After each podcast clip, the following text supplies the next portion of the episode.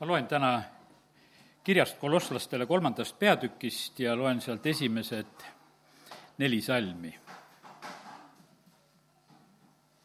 kui te nüüd koos Kristusega olete üles äratatud, siis otsige seda, mis on ülal, kus Kristus istub Jumala paremal käel.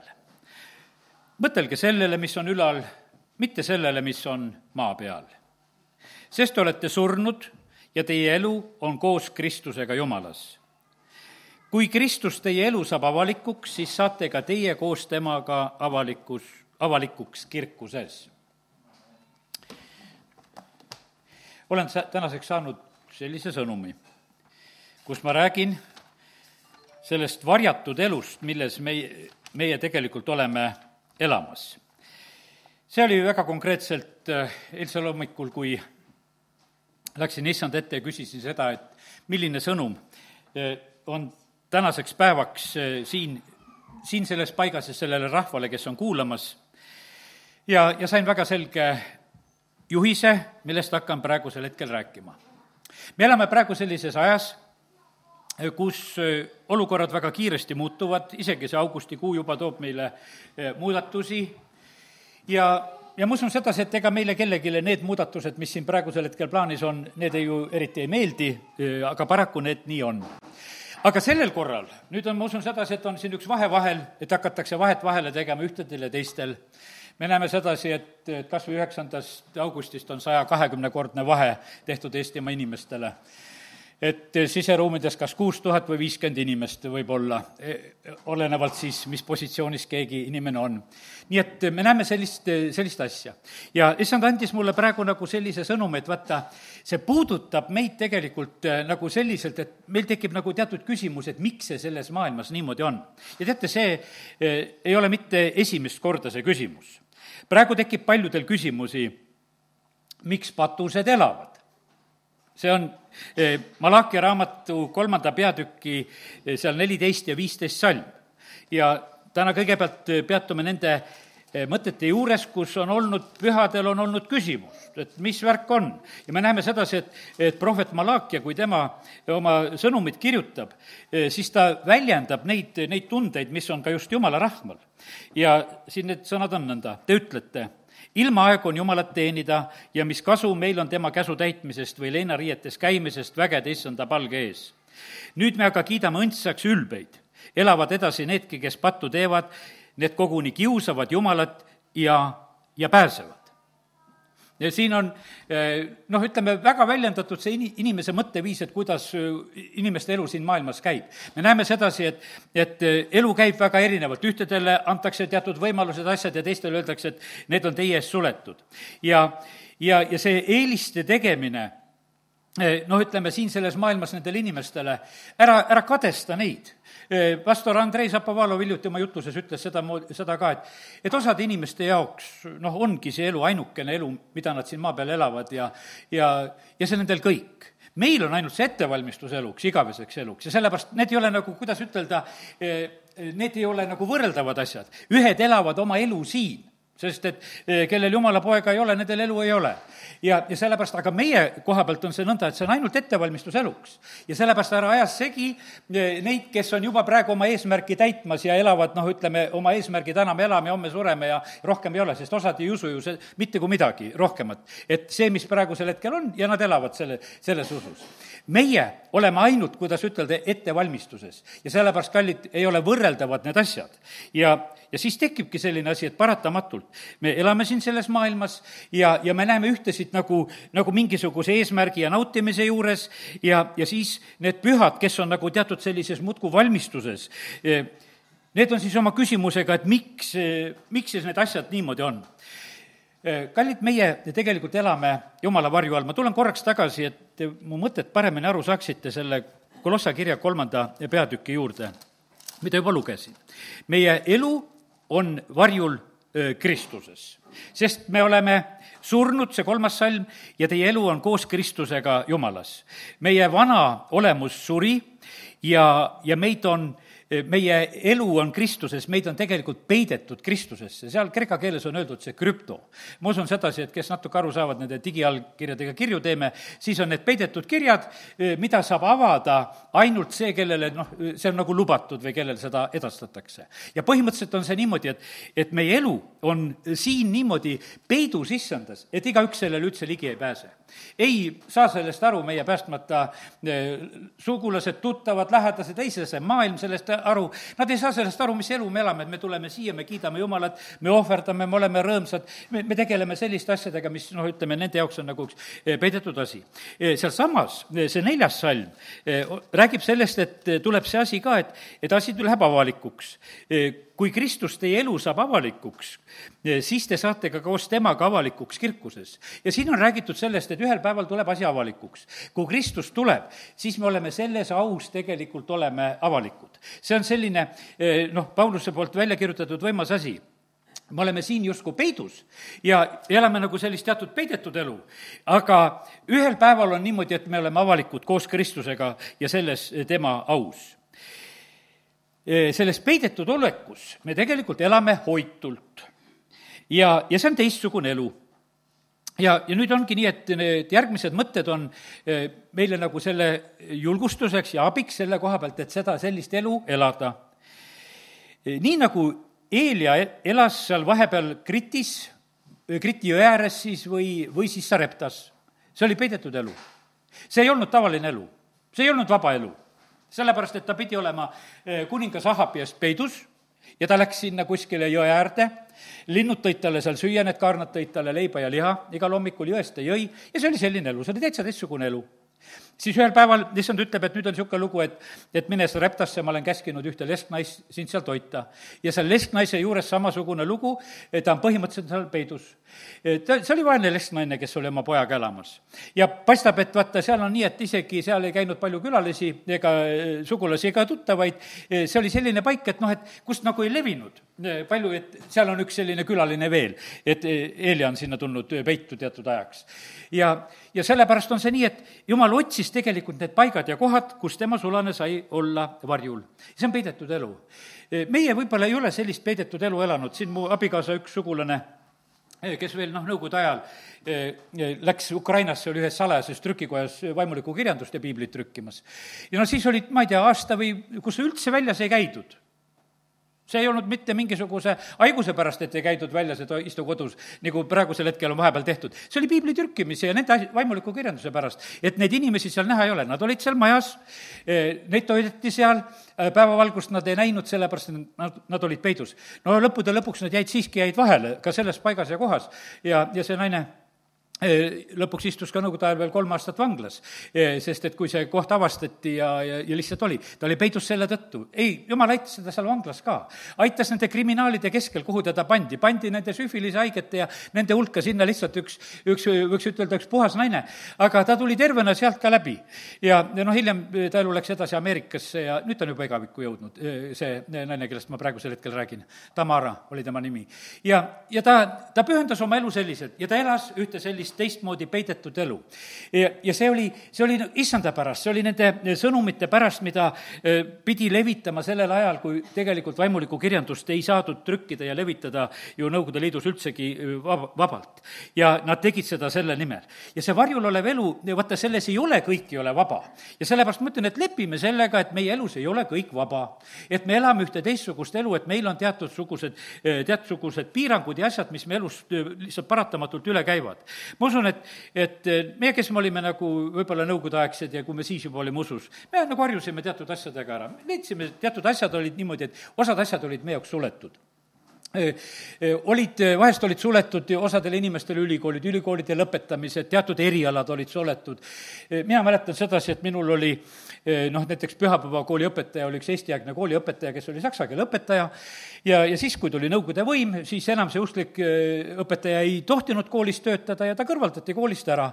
Nad olid väga toredad, haritud inimesed ja, ja hästi to-, toredad, kes oskasid lastega hästi käia, see oli poiste pühapäevakooli õpetaja meile, see pühapäevakool toimus nädala sees, see toimus Keilas ühes kodus, ta sõitis Tallinnast iga nädal sinna Keilasse, meie seal Keila koguduse poisid, kes me tollel ajal olime, me läksime sinna, mõni saab sellest paremini aru, kus me seal käisime, näed, naeratab. ja, ja, ja sellepärast see oli. ja üks oli ütlen täna nimepidi, üks oli siis tädi Milda, kes meid õpetas poisse, ja teine oli tüdrukute õpetaja, oli tädi Hulda, mõlemad olid õpetajad, üks oli inglise keele õpetaja nähtavasti, teine oli saksa keele õpetaja, kes olid ametitest ilma jäänud, aga kuidas nad oskasid tegelikult neid piiblilugusid ja asju rääkida? Nad olid, võiks ütelda, oma elus nagu palju kaotanud sa armastad lapsi, sa tahaksid õpetada, sa ei saa seda enam teha, aga sa õpetasid pühapäevakooli lapsi. sa tulid oma pildirull kaasas, e, millise innukusega neid piiblilugusid ja asju meile räägiti, e, märkmikud, värgid, mida me täitsime, kõik see tegelikult oli väga oluline ja tähtis, e, mis sellel hetkel sündis. ja me olime harjunud selle koha pealt, et me elame sellist piiratud elu, et teatud põhjustel, sellepärast et me issandasse usume, me, meie elu on lihtsalt teistmoodi. sest et meie elu on peidus, meie elu on varjul. me elame kuidagi, no siin selles maailmas küll, aga me elame nagu teisel moel kui Jeesus sündis siia sellesse maailma, eh, siis juhtub see, et ta peab põgenema varsti eh, Egiptusesse, sest et Joosep näeb unes, eh, et talle näidatakse unes väga selgelt, mida ta peab tegema, sest et kui tal oli sündinud see väikene Jeesus, ma loen, see on nii põnev tegelikult, ma lugesin üle seda täna ka veel, see on Mattiuse kaks ja, ja kolmteist on räägitud. kui nüüd tähetargad olid lahkunud, vaata siis ilmus issanda ingel Joosepile unenäos ja ütles, tõuse, võta kaasa laps ja tema ema ning põgene Egiptusesse ja jää sinna, kuni ma sind käsin, sest Herodes tahab eh, lapse üles otsida ja hukata väga konkreetne selline selge unenägu, mida antakse ja teate, mis Joosep tegi? ja jo-, siis Joosep tõusis, võttis lapse ja tema ema ning põgenes öösel Egiptusesse. vaata, kuidas tegi, oli unenägu. ja ei hakanud hommikul mõtlema, et mida see unenägu tähendas see tähendas juba öösel. oli unenägu ära, perekond, mul oli unenägu, meil kästi põgeneda ja me läheme kohe ja mitte mingisugust hommikut või hakkame palvetama ja selgust otsima, et, et oli see ikka päris või kust see pärit oli või mis asi, ta läks kohe. ja, ja ta oli seal Herodese surmani, et läheks täide, mis issand oli rääkinud prohveti suu kaudu.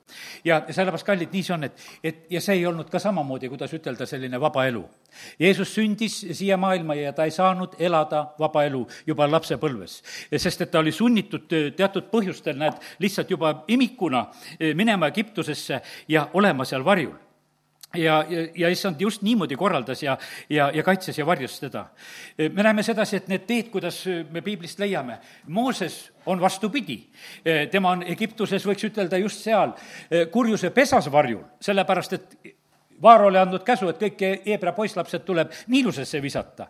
Mooses pannakse väikese korvikesega sinna ja, ja siis on nii, tema jaoks sünnib see ime, et Vaaro tütar võtab teda sealt, kasvatab teda üles ja Mooses on nelikümmend aastat, on varjul, on just Egiptuses, just seal, selles võiks ütelda lossis, kõige kuninglikumas kohas, kus iganes Egiptuses olla saab ja hiljem, kui ta sealt välja tuleb, siis ta peab minema ja olema varjul nelikümmend aastat seal kõrbes, seal Midjani preestri loomi karjatades. ja jälle on selline, kuidas ütelda, no see ei olnud otseselt absoluutselt tema tahtmine. me nägime sedasi, et, et Mooses oleks tahtnud seal Egiptuses tegelikult väljaspool Vaara lossi elu hakata korraldama. ta tuli välja ja ta hakkas seal korraldama, ta ütles, ma lähen oma rahva keskele ja ma, ma hakkan neid juhtima ja, ja, ja küll nad varsti aru saavad.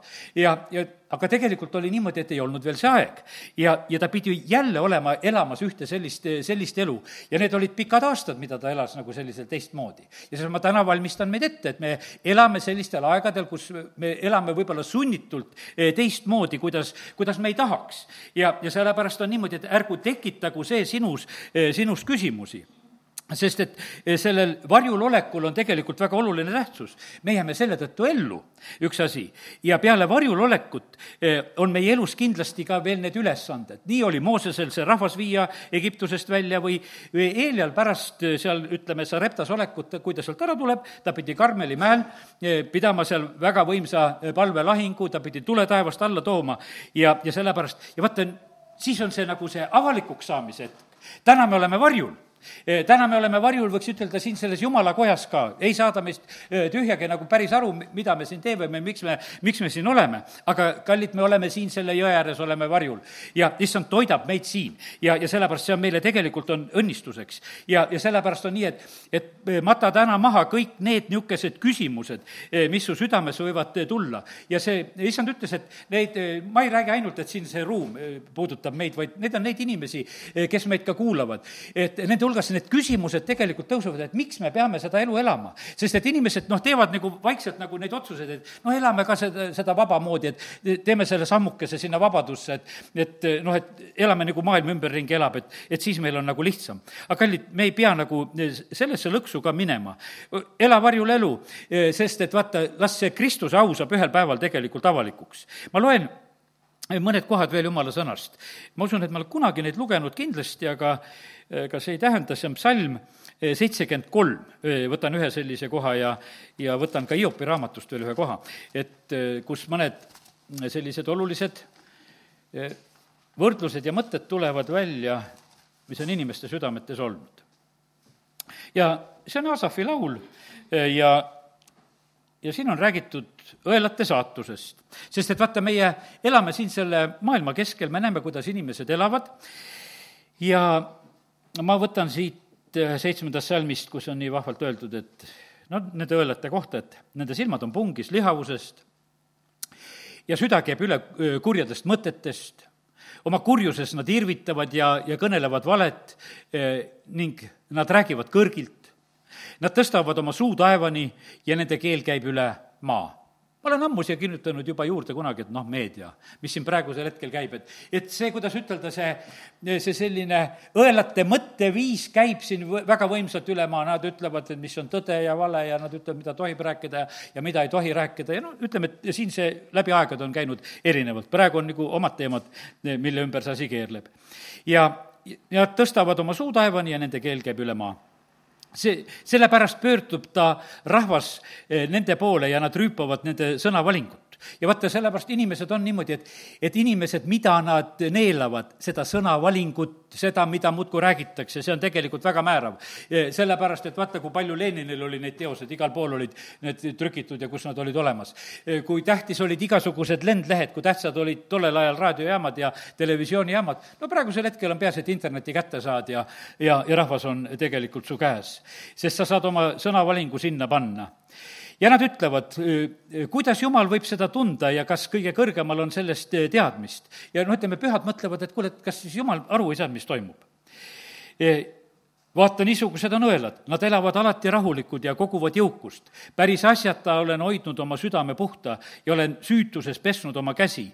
ma olen olnud löödud kogu päeva ja mind on nuheldud igal hommikul ja noh, ütleme, et sellised pessimistlikud mõtted, et kuule, et, et need patused ja, ja valetajad ja need elavad ja tegutsevad ja kus sa oma südame puhtusega jõuad. aga selles laulus on tegelikult, on väga oluline pööre, seitseteist salm, et, et ja kuusteist juba ka, et ma hakkasin mõtisklema, et sellest aru saada, kuid see oli mu meelest vaev. nagu, et kõiki neid asju nagu ära seletada, mis siin maailmas on. kuni ma sisenesin Jumala pühad, pühadesse paikadesse, siis ma mõistsin eh, nende otsa siis ta järgmisel hetkel mõistis sedasi, et vaata, eh, kas see on laul kolmkümmend neli või kolmkümmend seitse, kumb see on, et ära ärritu nendest õelatest, eks. et, et sa otsid ja teda ei ole enam. ta ase ei tunne teda enam, teda lihtsalt ei ole. Eh, tead, ütleme sellel hetkel nendes Malachi raamatus ja siin me näeme sedasi, et need õelad veel on aga jumala sõna räägib sedasi, et on need hetked, kus, ühel hetkel, kus neid enam ei ole ja sellepärast meil ei tasu ärrituda eh, nendest, mida nad on tegemas. kui ma sisenesin eh, jumala pühadesse paikadesse, siis ma mõistsin nende otsa tõesti, sina asetad nad libedale ja, ja sa langetad nad, nad rusuks. jumal paneb nad libeda peale ja jumal laseb nad rusuks kukkuda. Eh, kuidas nad eh, said silma, eh, jubeduseks silmapilguga? Nad saavad otsa lõpevad ära ehmatusega, nõnda nagu unenägu kaob pärast ärkamist, nõnda issand ei hooli tõustes nende varjukujudest. ja ja siis eh, loeme niisugused ilusad salmid ka, mis siin Asafel ütleb sedasi. ja ma ei tea, kas su süda läheb ka täpselt kaasa sellega, kakskümmend viis salm on, ütleb niimoodi. kes on mul muu taevas kui sina? sest sinuga koos olles ei meelita mind miski maa peal.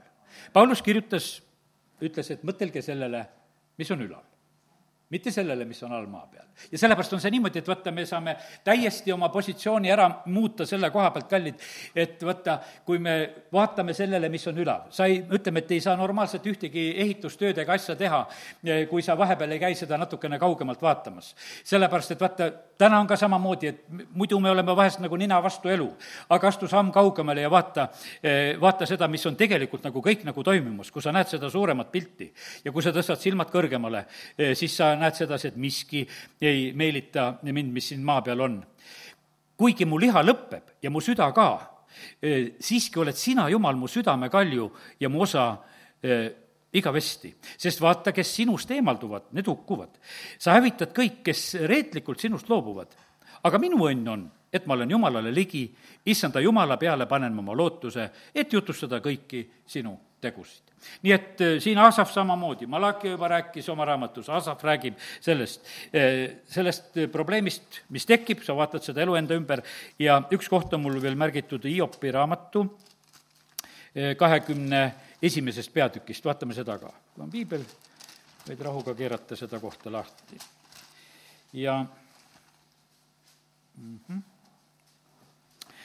ja siin on Hiop oma need raskuses ja katsumuses samamoodi nagu ütlemas teatud mõtteid. kakskümmend üks seitse. miks jäävad õelad elama, saavad vanaks, võtavad isegi jõudu juurde? sest tema oli siis oma haiguse ajas ja sellepärast ta vaatas teisi, ta nägi sedasi, et on teisi, kes elavad, et õelatel läheb paremini kui sellel hetkel temal. Nende sugu seisab kindlana nendega, nende ees ja nende järglased nende silma all. Nende kojad on säästetud hirmust ja jumala vitsa pole nende peal. ta oli kaotanud pere, ta oli kaotanud oma koja, ta oli kaotanud karjad, noh, tal oli väga palju kaotust. ja siis ta vaatab, ütleb, et aga nende sõnn, nende pull kargab ja mitte asjata. Nende lehmad poegivad loodet heitmata. siin selle nädala sees ühe uskliku inimese lehm eh, kaotas kaks vasikat see on valus ja kindlasti see lõikab praegusel hetkel väga, et miks jumal, miks mu vasikad läksid? ja siis vaatad võib-olla teisel naabril, kes jumalat ei armasta, kõik vasikad järgi, eks. no täpselt seesama lugu, mis siin on kirjutatud. Nende sõnn kargab ja mitte asjata, lehmad poegivad loodet heitmata. Nad lasevad oma lapsukesi joosta nagu lambaid ja, ja nende noorukid tantsivad. Nad laulavad trummi ja kandle saatel ning tunnevad rõõmu vilepilli häälest. Nad veedavad oma päevi õnnes ja lähevad rahus alla surmavalda. Nad ütlevad Jumalale, tagane meist, eh, sest eh, sinu teede eh, tundmiseks pole meil lusti. Nad ütlevad, Jumal, jäta meid rahule, meil pole vaja teada sinu teid ja kes on kõige vägevam, et peaksime teda teenima, ütlevad need, eks siis. ja mis kasu meil on, kui me tema poole palvetame? vaata, eks ole meie õnn nende endi käes. Õelate nõu minust kaugel ja sellepärast, kallid, nii see on, et neid, need niisugused vastuolulised küsimused paratamatult tekivad praegusel hetkel ja paljudes kohtades. ja ma ütlen, et tänu jumalale Eestimaa eest, et me oleme saanud suhteliselt hästi elada, paljudes riikides vaevatakse ammu-ammu ja igal moel neid inimesi nagu lätlased ju rääkisid, et kuule, et ei saa seda restorani sisse, et sina söö õues ja ühed söövad õues ja teised söövad väljas ja noh, tead, niisugune eh, no ime, imelik niisugune eh, asi, mis on praegusel hetkel maailmas käimas ja inimestel on ju siis need küsimused, miks need asjad siin selles maailmas niimoodi on. aga kallid, eh, mõtleme kuningas Taaveti peale. ta oli selline poiss, kes lapsena juba võiti ju kuningaks. aga ta pidi palju olema tegelikult elamas ühte koopaelu sellepärast ma täna räägin sulle ühte niisugust täitsa teist juttu, ma räägin sellest koopa elust, ma räägin peidetud, peidetud elust, ma räägin ühest niisugusest teistsugusest elust. no see ei ole tavaline elu. ta oli põgenemas tegelikult kuningas eh, Sauli eest eh,, Sauli poeg Joonatan aitas teda kaasa, vahepeal nad seal vahetasid omavahel teateid ja, ja igasuguse märkidega, et lasid neid nooli ja värki, et kuidas, kuidas Sauli suhtumine parasjagu on, aga ta pidi varjul olema. ja sellepärast on see niimoodi, et ma täna õpetan sulle sedasi, et oska varjata osta varjata neid, keda surma viiakse. see oli, ütleme, Teise maailmasõja ajal, kui olid koonduslaagrid, kui neid inimesi, keda viidi koonduslaagrisse, keda, kui neid juute või mustlasi või keda sinna viidi, kes neid päästis, nad varjasid, nad varjasid ja kaitsesid seda tegelikult oma eluga riskides, et nad tegid seda, võiks ütelda, seadusevastast, mida sellel hetkel pead, peeti seaduseks ja õigeks asjaks.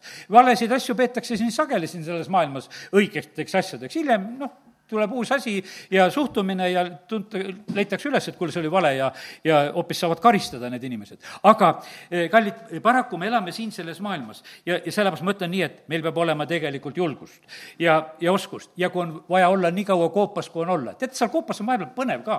ma ütlen, et sellepärast, issand ütles mulle sellel nädalal samamoodi, et sul on põnev elu. et ja ta tuletas mulle palju asju meelde ja muideks oli tore, ta ütles sedasi veel, et, et need põnevused ei ole veel lõppenud ja sest, et veel on jumalal plaanis põnevusi teha. aga tead, mis, mis Taavetil oli? ta oli koopas ja Saul tuli asjale sinna ja tal oli väga põnev näha, kuidas Saul seal plõristab, eks. ja, ja tead, ja sa näed oma vaenlast sellises olukorras, tagumik väljas ja kügitab seal. ja, ja siis sa lõikad ta siilu ära ja sa, sa näed sedasi, kallid, meie elame varjatud elu ja me tegelikult näeme, vaenlane on nii rumal, ta näitab meile vahepeal oma tagumikku lihtsalt. sest et ta ei, ta ei oska tegelikult äh, käituda, sest et ta, ta on pimeduses, ta ei näe. ta läheb sinnasamasse koopasse ja kohta ja ta ei näe absoluutselt. ja Taavet on seal oma meestega sa mõtle, kuidas mehed oskasid hinge kinni pidada. mitte keegi ei turtsatanud ega, ega midagi olnud, need olid tõelised mehed olid hinge kinni pidades, muidugi Ais oli ka, nad ei tahtnudki hingata. ja, ja, ja selle, ja sellepärast oli see selline lugu, et ja ootasid ära selle asja ja nad olid hoitud ja kaitstud tegelikult sellel hetkel. ma räägin täna sellest koopa elust. ma räägin sellest, me, me elu on varjul Kristuses ja kus Kristus oli? Ta oli Egiptuses, oli peidus. siis me näeme sedasi, et ta läks Siidoni ja Tüüriuse aladele, hiljem öeldakse sedasi, läks varjule nendesse paikadesse. ja sellepärast meie vahepeal peame lihtsalt olema varjul ja ära protesti selle vastu. ja küll Jumal annab sulle head varjupaigad. ta hoolitseb sinu eest tegelikult igas varjupaigas ja kohas. ja, ja sellepärast kiitus Jumalale, et me võime täna lihtsalt nagu häälestada selle jaoks, et me läheme nendest asjadest läbi, kui tehakse ka neid olukordasid teistsuguseks. absoluutselt ei muretse, muretse, sest et meie issand on tegelikult meiega Noa ehitas endale varjupaika, ta tegi seda sada kakskümmend aastat, niisuguse juutide pärimuse järgi, just Olga Kolikova hiljuti nimetas, ütles, et ma ikka vahest rääkisin sada aastat, nüüd sada kakskümmend. et eh, ehitas laeva. Ja oma pere päästmiseks, loomad tulid ka sinna. Eh, sa elad oma elu selleks, et ehitada ühte nagu mingisugust varjupaika. aga see tuleb sulle õnnistuseks. ja küll sul siis oli tore olla eh, oma perega seal sees. vaatad, mu kolm poega, mu poegade naised ja meie kõik oleme kruiisile läinud praegusel hetkel ja teisi ei ole. ja sellepärast see on super tegelikult. Eh, sellel tööl oli tulemus, mida tegelikult Noa tegi aastate jooksul. ja, ja sellepärast on see niimoodi, et valmistu selleks varjul olemiseks. Kolmapäeval ma jutlustasin sellest, et see aeg on te-, praegusel hetkel meie usu treenimiseks. sest et vaata, need olukorrad tulevad meile järk-järgult nagu raskemad, eksamid lähevad raskemaks. kui me praegusi eksameid ei viitsi ära teha, siis me järgmistest läbi ei lähe. ja sellepärast on see niimoodi, et praegu peame tegema oma usku tuleva, tugevaks. ja, ja sellepärast on see niimoodi, praegu eriti lapsi ei ole. võib ütelda sedasi, kuidas olid need lood, et seal karsunid ja lood ja need mõõganeelajad ja need olid sedasi, et alguses nööp nõelu neelas ja õppis, eks, et hiljem mõõkasid neelata. lasteraamatus Nõukogude ajal lubati niisuguseid lugusid rääkida lastele, eks. ärge ärge praegu lastele nii õpetage. ja aga, aga kallid, see niimoodi on, aga see on see, et väikesega õpitakse. me õpime praegusel hetkel selle jaoks, et olla tugevad nendes järgmistes. ja teate, jumal teeb täpselt nii tugevaks meid. Taavet õppis karjas olles ära, et need lõvid ja karud, mis tal olid siis, need vaenlased, kellega ta seal maadles, et oma karjast neid eemal hoida. ta õppis ära tugevuse hiljem koljatele vastu minnes. ja, ja ta vaatas sedasi, mis asja, kuule, lõvi ja karuga olen saanud hakkama, mis see koljakas, kohmakas oma mundris seal siis on, et küll me temaga hakkama saame. ja, ja, ja sellepärast nii see on, et kallid, aga see oli treening. ta oli varjul. E, ta oli, kuidas ütelda, sellises peidetud olukorras, ta oli nagu kuidagi väga üksikult. E, ta on seal karjas, isegi temast ei hoolita, kui kodus on pidu, peaaegu ei kutsuta laudagi, vaata, kus võiks solvuda. teised söövad-joovad, prohvet tuleb külla, mind ei viitsita karjastki ära kutsuda. ja, ja sellepärast, aga ta ta oli tegelikult, ta oli ettevalmistuses. ja, ja sellepärast, kallid, jumal valmistab meid ette nendes varjatud paikades ka. ja, ja siis me saame hiljem hakkama. Eh, jumala teenimine, Daniel teenib Jumalat ustavalt päevast päeva, palvetab kogu aeg. ja siis, kui ta oli lõvikoopas, siis ta oli tegelikult hoitud Jumala poolt. ja, ja sellepärast on see niimoodi, et Jumal on tegelikult eh, kaitsmas ja varjamas meid. ja, ja sellepärast on see niimoodi, et, et ja ta toob teatud hetkedel välja. teate, millal ta välja tõi Taaveti korraks? selleks võitmishetkeks kui ta, teda võiti kuningaks ta läks karja tagasi. ja nii kui me lugesime Kolossase kolme neli, et meie elu koos Kristusega saab, vahepeal saab avalikuks. on need teatud hetked, eh, kus, kus meid tuuakse nagu välja ja see oli see hetk, et küll teistel vendadel oli kade.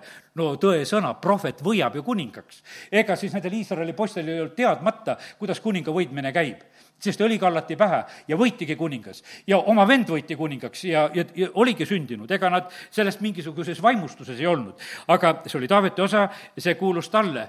ja sellepärast, kallid, me elame siin selles maailmas, kus need asjad on samamoodi tegelikult toimumas. ja, ja sellepärast kiitus Jumalale. noh, Taavet kirjutab ju meile selle laulu, eh, salm kakskümmend kolm et ta katab meile lauda vaenlase silma all. ta viib meile nendele haljastele aasadele. see, noh, ütleme, ta juhib meid vaenlase silmad on tegelikult jälgimas, aga meie elame siin ja, ja jumal on hoolitsemas meie eest. ja sellepärast kiitus Jumalale, et, et issand on nii äh, või-, võimsalt meid tegelikult aitamas. tahan siia vahele lugeda lihtsalt ühe koha, mis peaks tulema psalmidest ja see on psalm kuuskümmend neli kolm.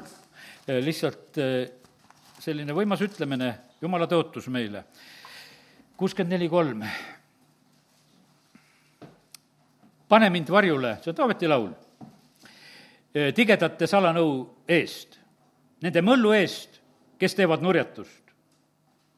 pane mind varjule ja sellepärast on see niimoodi, et vaata, täna ma räägin sellest, meie elu on varjal, varjul Kristuses ja me võime seda ise paluda, pane mind varjule tigedate salanõu eest ja nende möllu eest, kes seda, eh, kes teevad nurjatust. ja sellepärast meie asi on täpselt seda paluda ka praegusel, see möll, mis siin selles maailmas üle käib, eh, me palume lihtsalt, et Jumal, kaitse ja varja sina, pane meid varjule eh, selles olukorras. Jumal kisub meid tegelikult välja kurjast ja, ja ma loen teise Timoteose, nüüd on Apostel Paulus, võtame Uuest Testamendist ka, teise Timoteose kirja eh, siis neljanda peatüki kaheksateistkümnes eh, salm on Pauluse poolt nõnda öeldud.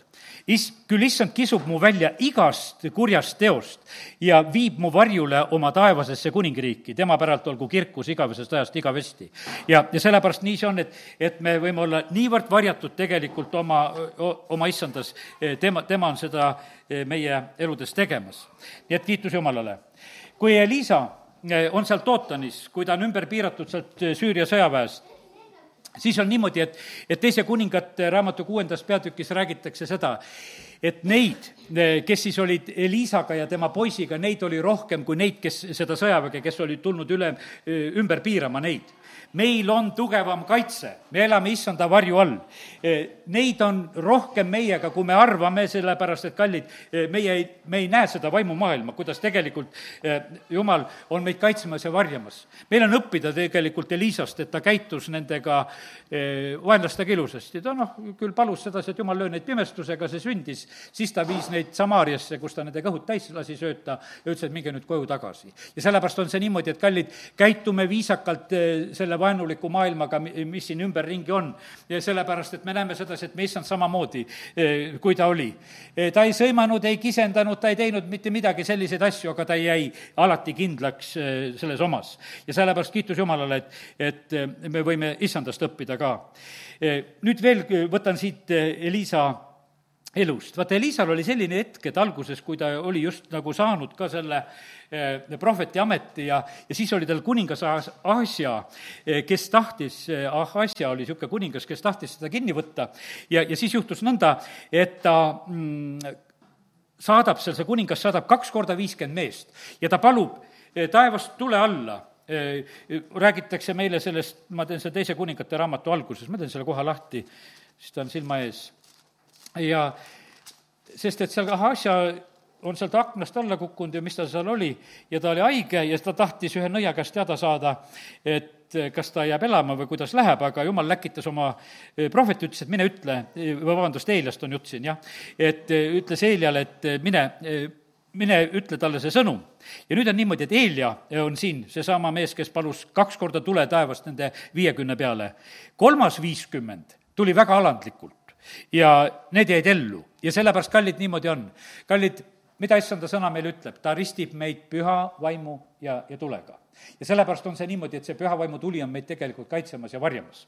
sest et eh, see tuli on siin selles maailmas, ta ristib teid püha vaimu ja tulega.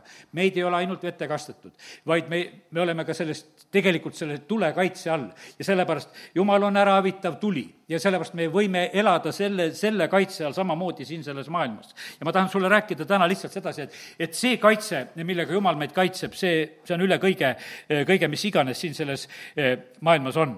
aga eh, kaitse on võimas, nii nagu Jeesuski ütles seda, et näed, et ma võiksin kaksteist leegioni ingleid paluda. sest et kui kurjus oli väga suur, eh, pimedusjõud olid väga võimsalt, ta ütles, et kaksteist leegioni ingleid ja me teeksime kõik praegu korda. aga Jeesus läks oma teed ja ta pidi minema ristile ja see kõik sündis. ja, ja sellepärast on see niimoodi, et ta oli varjul isegi seal ristil olles ja meie elu on eh, varjul, me elame sellist, kuidas ütelda, et me saame kogeda piiranguid. me saame kogeda sedasi, et teatud piirangud on meie elul, et me kõike nagu ei saa. aga tead, seda piiratud elu saab elada. järgmine pilt, seda, mida issand nagu andis, oli edasi, ütles, et Iisrael praegu, mis nad on tegelikult, terve see riik algusest saadik on elanud niimoodi, et nad on ehitanud endale varjendid, kui sireen käib, Nad jooksevad varjendisse peitu või kui nad ei ole noh, ütleme oma kodus ja siis nende kodudesse on ehitatud need punkrid ja varjendid, kuhu nad saavad ära minna. kui nad on kuskil väljas, siis on õpetatud, et kuskile kas kõnnida äärekivi juurde ja kott pähe veel ja, ja, ja pikali maha ja, ja neid on ära õpetatud sedasi, et kuidas tuleb ennast kaitsta, kui on ohuolukord. kas teil on külm või, või peab selle kinni panema, et kui on, ütelge et ei ole märku, jah. ja, ja siis on niimoodi, et, et nad on õppinud tegelikult niimoodi, et nad, nende elu peab olema varjul Nende, nende hulgas on sellepärast väga vähe, võiks ütelda, eh, noh, neid hukkunuid nende raketirünnakute ja kõigi nende olukordade keskel. sest nende elu on varjul Nad on, nad on harjunud sellega, nad ei eira seda. ja sellepärast on see niimoodi, et, et kallid, hinnake seda, et meie elu on koos Kristusega varjul. see on kõige kindlam kindlus, kuhu tegelikult meil joosta ja, ja kuhu meil minna. ja, ja selle juures on niimoodi, et vaata, eh, jumala sõna õpetab meile, noh, ütleme teatud asja, eh, kuidas me peaksime elama. ja jumala sõna, mis on kirja pandud, see hoiab ja kaitseb meid ja juhib meid. aga sellele lisaks on tegelikult vaja seda pühavaimu juhtimist. me vajame neid, vaata, et me kuuleme ära selle sireeni hääle, kui see tuleb. et nii, nagu seal Iisraelis on, kui nüüd siin on sireen. teate, nendel on niimoodi, et sa istud, vahid oma Facebooki seal arvutis või kuskil või telefonis ja sinna tuleb ka häire kohe peale Iisraelis, hoobilt on häire, kui on, kui on õhuhäire, siis on igal pool on häire. ükstapuha kõik raadiojaamad, televisioonijaamad, kõik, et või sa lihtsalt oma internetis kükitad, kõigil on teada, et praegusel hetkel on oht, et rakett tuleb ja te lähete peitu. ja lähevadki peitu ja nad on hoitud. ja sellepärast meie elu on varjul, kui me oleme kuulekad oma issandale. ja sellepärast me peame olema nagu valmis. me, me ei pea olema need, kes me siis vastu ajame. ja vaata, varjendid peavad olema valmis, aga taktikat peame nagu tundma ja kui need hoiatused käivad, siis me peame õigel ajal ka tegutsema. ja issanda hoiatused tulevad õigel ajal Hebra kirja neli kuusteist on öeldud sedasi, et, et me tuleme selle armujärje ette ja me saame sealt õigel ajal, saame abi. sellepärast, et jumal ei ole kuidagi, kes asju maha magab ja vaid et ta, ta annab meile täitsa head abi Läki siis julgusega armu aujärje ette, et alastust saaksime ja armu abiks leiaksime parajal ajal. me saame sobivat abi, me saame sobivaid sõnu suhu, püha vaim aitab meil rääkida, meil on sobivad lahendused. me sageli muretseme, et mida me ütleme, me vahest korrutame oma peas, et aga mida ma ütlen selles olukorras, kui mu käes on selline olukord. jumala sõna ütleb sedasi, et abi tuleb õigel ajal ja sul läheb meelest ära, kui ma, kui sa täna seda teada saad. aga siis, kui ta sulle ütleb seda, mida ütelda, siis ütle kohe. sellepärast, et siis ta andis sulle selle sõna. sest et meie mälu on lühikene ja sellepärast jumal teab, millal ta tegelikult meie kätte eh, annab, annab need sõnad ka, eh, mida me tarvitama peame. ja sellepärast kiitus Jumalale, et, et Jumal on nii võimsalt tegelikult eh, meie eest hoolitsemas tänasin issandat, et ta meie eest niimoodi hoolitseb, et ta on meie hea karjane ja me võime teda jäägitult tegelikult usu, usaldada. aga nüüd tulen veel korraks nagu selle juurde. meie elu saab avalikuks, meie elu saab avalikuks.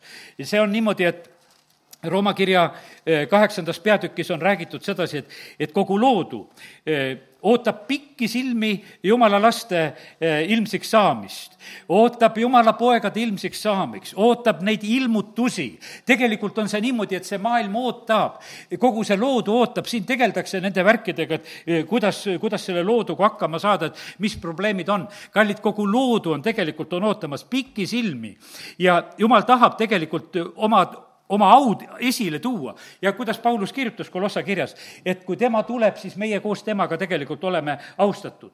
ja issanda au sai avalikuks, kui Egiptusest lahkuti. lahkuti rännakuriides, lahkuti piduriides, lahkuti varandusega, lahkuti õpetaja kullaga, lahkuti kõigi oma karjade ja peredega, kõigega mindi.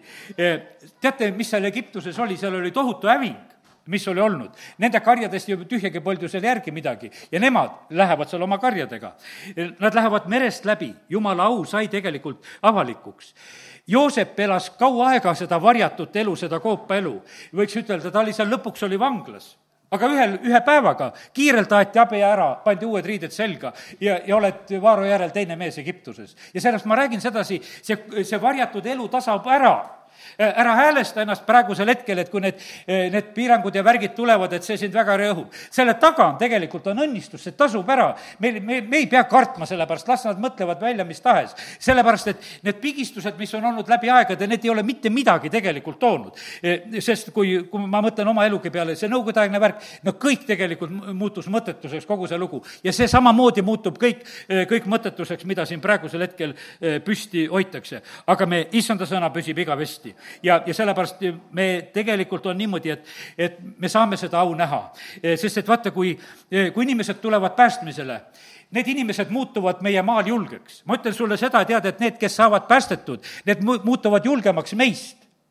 teate, alati uued päästetud on julgemad mina olen usujulgust võtnud juurde uutest päästetutest ja ma sellepärast juba hoiatan sind ette, et meie, kes me oleme juba teatud aeg usus, saad aru, kui uus süüdatakse põlema, ai ta põleb, ai ta usub ja seal ei ole mitte mingisugust probleemi. ja sellepärast ma mõtlen, et ära jää maha, sellepärast et muidu me jääme häbisse. mina, mina võtsin, võtsin, oli Osena ärkamine, võtsin tuld juurde, elusõnast võtsin juurde, uuest põlvkonnast võtsin juurde, alati võtsin kõikidest kohtadest juurde. selle, sellepärast, et vaata, sealt tuleb võtta tuld juurde, kus see tuli on põlemas.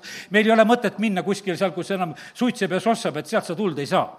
ja, ja sellepärast on see nii, et kallid, ja kui issand toob inimesed siin maal päästmisele, siis see maa on täis julgeid inimesi. Need ei karda absoluutselt. Eh, need on julged, nad tunnistavad, teevad, eh, sest et inglid on tegutsemas, jumala au on väga suur. ja, ja sellepärast niimoodi täna issand meid lihtsalt kinnitab selle jaoks, et meie ei pea kartma praegusel hetkel eh, nagu seda perioodi. Taavetil olid samamoodi need nelisada meest, kes olid temaga, need olid ta kangelased ja olid temaga koos seal terve selle perioodi lõpuks, kuni ta seal siis ka kuningaks sai. nii ta on Jeesus peale oma ülestõusmist ilmutab ennast oma armastajatele. ja täna on niimoodi samamoodi, et issand kinnitab oma armastajaid. teised ei saa tühjagi sellest asjast aru, nagu on mitu korda täna ütelnud. Nad ei saa sellest asjast aru. teistele see ei ole leivaks. vaata sellel, kui see omab sulle leivalõhna ja maitset, siis sa oled päästetud inimene. kui ta on sulle niisama raamat, siis sa kahtlane värk, kas sa oled uuesti sündinud. sellepärast, et vaata, see sündinud inimene tahab süüa saada. E, Jeesus on meile eluleivaks, Jeesus on meile selleks elavaks veeks. E, vaata, seal on niimoodi, et, et leiva ja veega ingel tuleb ja toidab tegelikult seal, seal ütleme, pärast e, Karmeli mäge seal, ingel toimetab seal Eeliat samamoodi. ja sellepärast, kallid, see on meile selleks toiduks, mida tegelikult me väga, väga vajame. ja, ja see on üks väga võimas tunnus tegelikult selle koha pealt, et kas see toit, toit meile maitseb. see on nii nüüd üks pööre veel, nüüd teen Markuse lahti ja kümnenda peatüki ja kolmekümnenda salmi. ja nüüd usuinimesed, kellel on usku, võtke usku sest selles perioodis, kus me oleme, kus meid kiusatakse ja, ja piiratakse, siin on issandad tõotused ja väga võimsad tõotused. ja me loeme Markuse kümme ja kakskümmend kaheksa kuni kolmkümmend. Peetrus hakkas talle rääkima, vaata, me oleme jätnud maha kõik ja järgnenud sulle. Jeesus lausus, tõesti, ma ütlen teile, ei ole kedagi, kes on maha jätnud maja või vennad või õed või ema või isa või lapsed või põllud minu pärast ja evangeeliumi pärast, ega saaks vastu nüüdsel samal ajal saja võrra maju, vendi ja õdesid ja emasid ja lapsi ja, ja põlde tagakiusamise kestelgi ning tuleval ajastul igavest elu.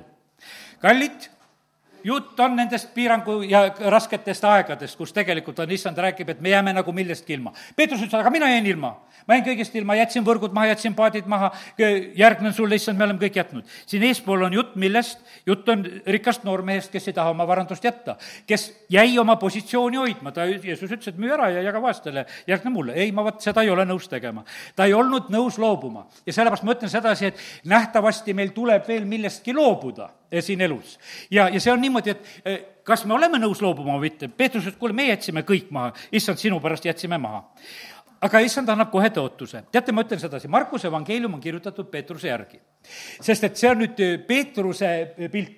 Teised evangeeliumid nii täiuslikku lo-, loetelu sellest kohast ei anna. ma vaatasin Luukast ja vaatasin Mattiuse evangeeliumist, sellele teemale on viidatud, aga nii pikka loetelu nendest asjadest ei ole.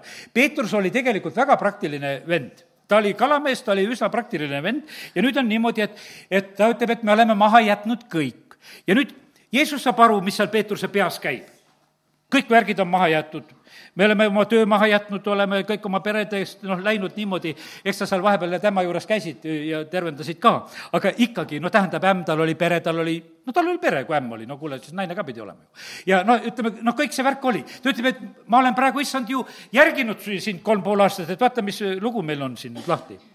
Jeesus ütleb, tead, ma annan sulle nüüd tõotuse.